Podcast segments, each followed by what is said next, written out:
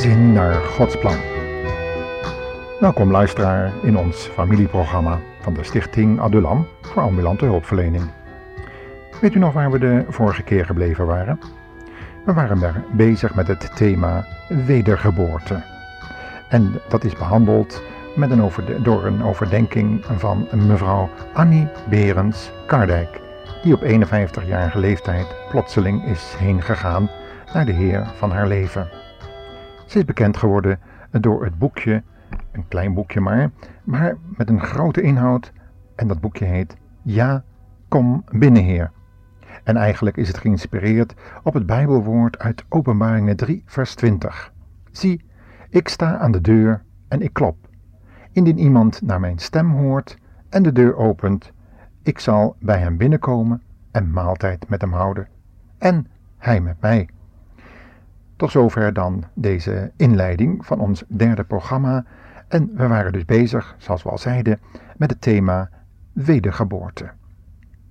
De vorige keer hebben we gezien dat er iemand zou kunnen vragen: Komen we als we wedergeboren zijn weer in die oude paradijstoestand terug, toen Adam en Eva nog niet waren gevallen? Nee, want we leven nog steeds in een zondige wereld en daarin heeft Satan nog steeds macht hoewel hij ontroond is door de Heer Jezus op het kruis van Golgotha en hij openlijk over hem heeft gezegevierd, en daardoor ook voor iedereen die de Heer Jezus als zijn heiland en Heer heeft aangenomen, het handschrift wat tegen hem getuigde, heeft uitgewist, dan toch heeft deze Satan, die dan wel ontroond is, nog behoorlijk veel macht. Je zou het kunnen vergelijken met een uh, leeuw die ten dode toe verwond is, maar nog rondgaat, laatste brul uitoefent en dan toch nog briest om te kijken wie die nog met zijn laatste uithaal van zijn klauwen te pakken kan krijgen. Hij weet dat hij moet sterven en daarom probeert hij nog zijn gram te halen op iedereen die te dicht in de buurt komt. En helaas, komen veel mensen veel te dicht in de buurt van Satan. In deze tijd van recessie, van allerlei economische malaise, van grote bedrijven die dreigen te sluiten, grote hoeveelheden mensen die hun ontslag moeten nemen of krijgen, zit de Satan helemaal niet stil. Hij gaat rond als een briesende leeuw en hij zoekt naar mensen die bitter gestemd zijn en die klaarstaan om opgeslokt te worden, die dicht in de buurt van de Satan leven en misschien wel zich bezighouden met allerlei broa-praktijken en andere zondige bezigheden. Het is dus heel erg nodig dat we opnieuw geboren worden. Wat verandert er eigenlijk nog meer als ik opnieuw geboren word dan alleen dat je een kind van God wordt? Nee, het is niet alleen maar mijn leven op aarde hier wat verandert. Wedergeboorte gaat vele malen verder. Mijn aardse leven heeft eeuwigheidsleven gekregen. De dood is niet het eindpunt. De dood is overwonnen.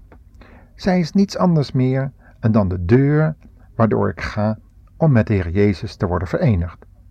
De dood is een doorgang naar boven, naar het Godshuis waar de Heer Jezus een woning heeft klaargemaakt om eeuwig met Hem te leven. En dit eeuwige leven begint nu. Weet je dat mijn leven dan nu al verandert? Helemaal verandert. Ik zal je nu eens precies vertellen wat het verschil is tussen opnieuw geboren zijn en niet opnieuw geboren zijn. Voordat de nieuwe geboorte jouw ik heeft veranderd, staat dat ik in het middelpunt. Maar na de nieuwe geboorte staat God in het middelpunt. Bij de natuurlijke geboorte zit het ik op de troon van mijn leven. Bij de tweede geestelijke geboorte zit God op de troon van mijn leven. Voor de nieuwe geboorte of wedergeboorte bepaal ik de toekomst van mijn leven, tenminste, dat denk ik te kunnen. En alles is egocentrisch, dus dat wil zeggen ik gericht. Zelfs onze uitingen van liefde zijn er helemaal op gebaseerd van als ik maar aan mijn trekken kom. Hoe die ander iets beleeft, dat komt op het tweede plan. Dat verandert bij de wedergeboorte. Dan vragen we eerst hoe die ander iets beleeft. Hoe die ander iets ondergaat. Hoe we die ander kunnen dienen. En in dat opzicht zou het schitterend zijn om nog eens 1 Korinthe 13 te lezen. Dat zullen we dan ook samen doen. We pakken samen een Bijbel en dan gaan we eens kijken wat er bij de wedergeboorte eigenlijk is veranderd. Paulus zegt in Romeinen 5 dat er bij de wedergeboorte wordt de liefde van God in ons hart uitgestort. En wat die liefde doet, wel nu 1 Korinthe 13, dat is heel erg belangrijk om dat nog eens samen te lezen. En dan lezen we daar wat de liefde niet is en wat zij wel doet. Ze zegt namelijk: de liefde is geduldig. De liefde is vriendelijk. Liefde van God dus is niet jaloers. Zij doet niet gewichtig en is niet trots. Ze kwetst niet, is niet egoïstisch en voelt zich nooit beledigd. Ze neemt niemand iets kwalijk. Ze is niet blij met onrecht, maar juist met waarheid. De liefde beschermt altijd, heeft altijd vertrouwen, verwacht het altijd van God en houdt stand. Aan de liefde komt nooit een einde. En dan eindigt eh, de apostel dit hoofdstuk door te zeggen dat allerlei dingen kunnen verdwijnen, zelfs profetie, maar de liefde blijft. Zo blijft dan geloof, hoop en liefde. Maar de liefde is het voornaamste.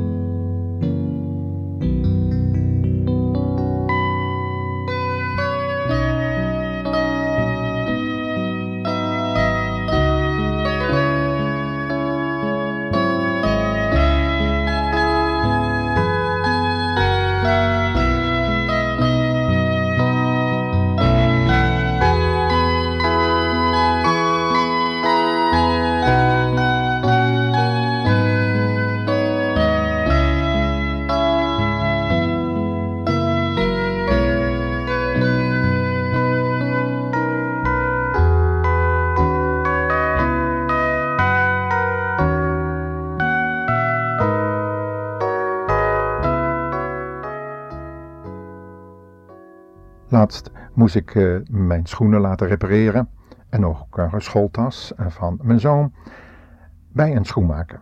En we raakten zo aan de praat. Hij had nogal wat problemen te verwerken. De laatste tijd was hij wat depressief en zijn vrouw had gezegd: joh, joh, je moet toch eens met een psycholoog gaan praten.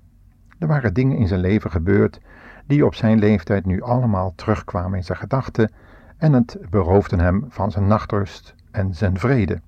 En ook in het huwelijk begon dat zijn nare sporen te trekken.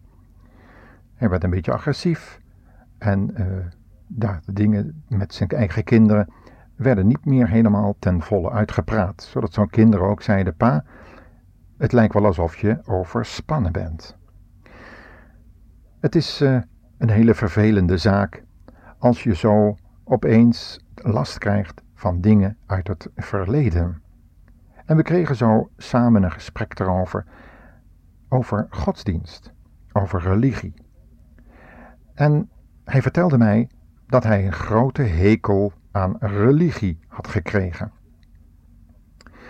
Daar wil ik eens even wat verder over nadenken. Weet je wel dat godsdienst geen enkele waarde heeft als je niet opnieuw geboren bent? Je kan wel religieus zijn en eh, allerlei kerkelijk werk doen voor de kerk, zodat iedereen denkt van nou, dat is een uh, vroom iemand. Maar al dat kerkelijke werk, dat heeft niets te betekenen in het oog van God als het niet vanuit Hem geboren is. Als het niet gewerkt is door de Heer Jezus. Paulus schrijft erover in Filippenzen. Hij zegt, werk uw eigen behoudenis uit met vrezen en beven. Maar dan zegt hij erbij wat dat werk eigenlijk is en waar de bron van al dat werken te vinden is. En dat is, het is God namelijk die in je werkt, zowel het willen als het werken. Allemaal naar zijn welbehagen. Filippenzen 2 kunt u het nalezen. Dus ook al het goede wat wij denken dat goed is in ons leven, dat moet een bron hebben. En als die bron mijn ik is, dan is het eigenlijk een egocentrisch goed werk. Wat misschien voor de mensen om je heen erg belangrijk is en wat je tot een humaan, acceptabel medeburger maakt, maar wat voor God waardeloos is.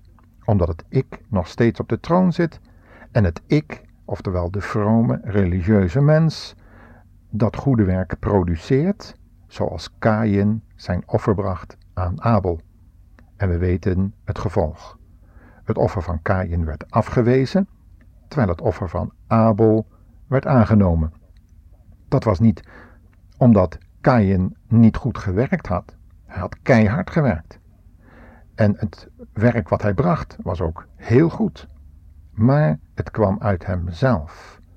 En het was niet gegrond op het werk wat God voor hem al gedaan had. Namelijk, hij had het zelf aan. De kleren die hij aan had, die had hij van God gekregen. Dat waren namelijk de huid van een lam of een slachtoffer wat God gebracht had en waar hij Adam en Eva en hand ook de kinderen mee bekleed had. Want wil je een huid hebben en daar kleren van maken, ook in die tijd was dat zo, dan moest er eerst een onschuldige voor sterven. En Abel had dat begrepen. En dat goede werk wat God gedaan had, wat tevoren bereid was voor degenen die hem liefhebben, en om schepselen te kunnen redden van het verderf, dat was voor God belangrijk. Daarom zei die stem van God ook vanuit de hemel op de berg van de verheerlijking van Jezus Christus: Deze is mijn zoon, hoort hem. En dat was ook de gelegenheid waarbij de discipelen, die drie die daar Gods heerlijkheid zagen, dat ze ook Mozes en Elia zagen. De wetgever, een heel belangrijke persoon voor de Israëlieten, en Elia, die die wet in stand heeft gehouden en het koste van het kost dat het volk Israël wilde voorhouden. Hij streed voor de wet van God en hij werkte er ook voor. Deze twee personen die de nadruk op de wet en de wet van werken van wet gelegd hadden, moesten verdwijnen in de wolk, zodat de Heer Jezus alleen overbleef. Hij, de belichaming van Gods wet. Jezus Christus is gekomen en de wet was tot op Jezus Christus, schreef Paulus aan de wettisch gezinde, werkheilige Galaten. En zo was het trouwens ook met Nicodemus. Ook hij meende dat hij iets moest doen, net als die rijke jongeling. En beide zeiden: Wat moet ik doen om behouden te worden? En de Heer Jezus zei: Helemaal niets. Je hoeft helemaal niets te doen dan alleen maar je hand te leggen op dat offer. En tegen God te zeggen: Heer Jezus, dat is uw zoon, die heb ik aangenomen als mijn heiland, mijn Heer. Hij is mijn leven. En als je dat gedaan hebt, en je eigen zondige leven als het ware hebt uitgetrokken door die zonde aan het licht te brengen en te beleiden, en Jezus Christus als jouw leven aangenomen als het lam van God, wat de wereld, zonde der wereld wegneemt, dus ook jouw zonde, dan mag je je opnieuw geboren weten. Want dan is er leven uit God in jouw leven gekomen. Dus niet omdat je gelovige ouders hebt, of omdat je geregeld naar de kerk gaat, of omdat je aan het avondmaal of het misoffer deelneemt, of omdat je gedoopt bent als kind of volwassene, of omdat we met onze mond beleidenis gedaan hebben. Ja, nee, daar gaat het allemaal niet om. Maar omdat je met je hart geloofd hebt in de Heer Jezus Christus. Heb je dat al gedaan, beste luisteraar? Dan mag u zich opnieuw geboren weten. En volgende keer willen we over dit onderwerp verder gaan. Luistert u dan weer mee? Tot de volgende keer.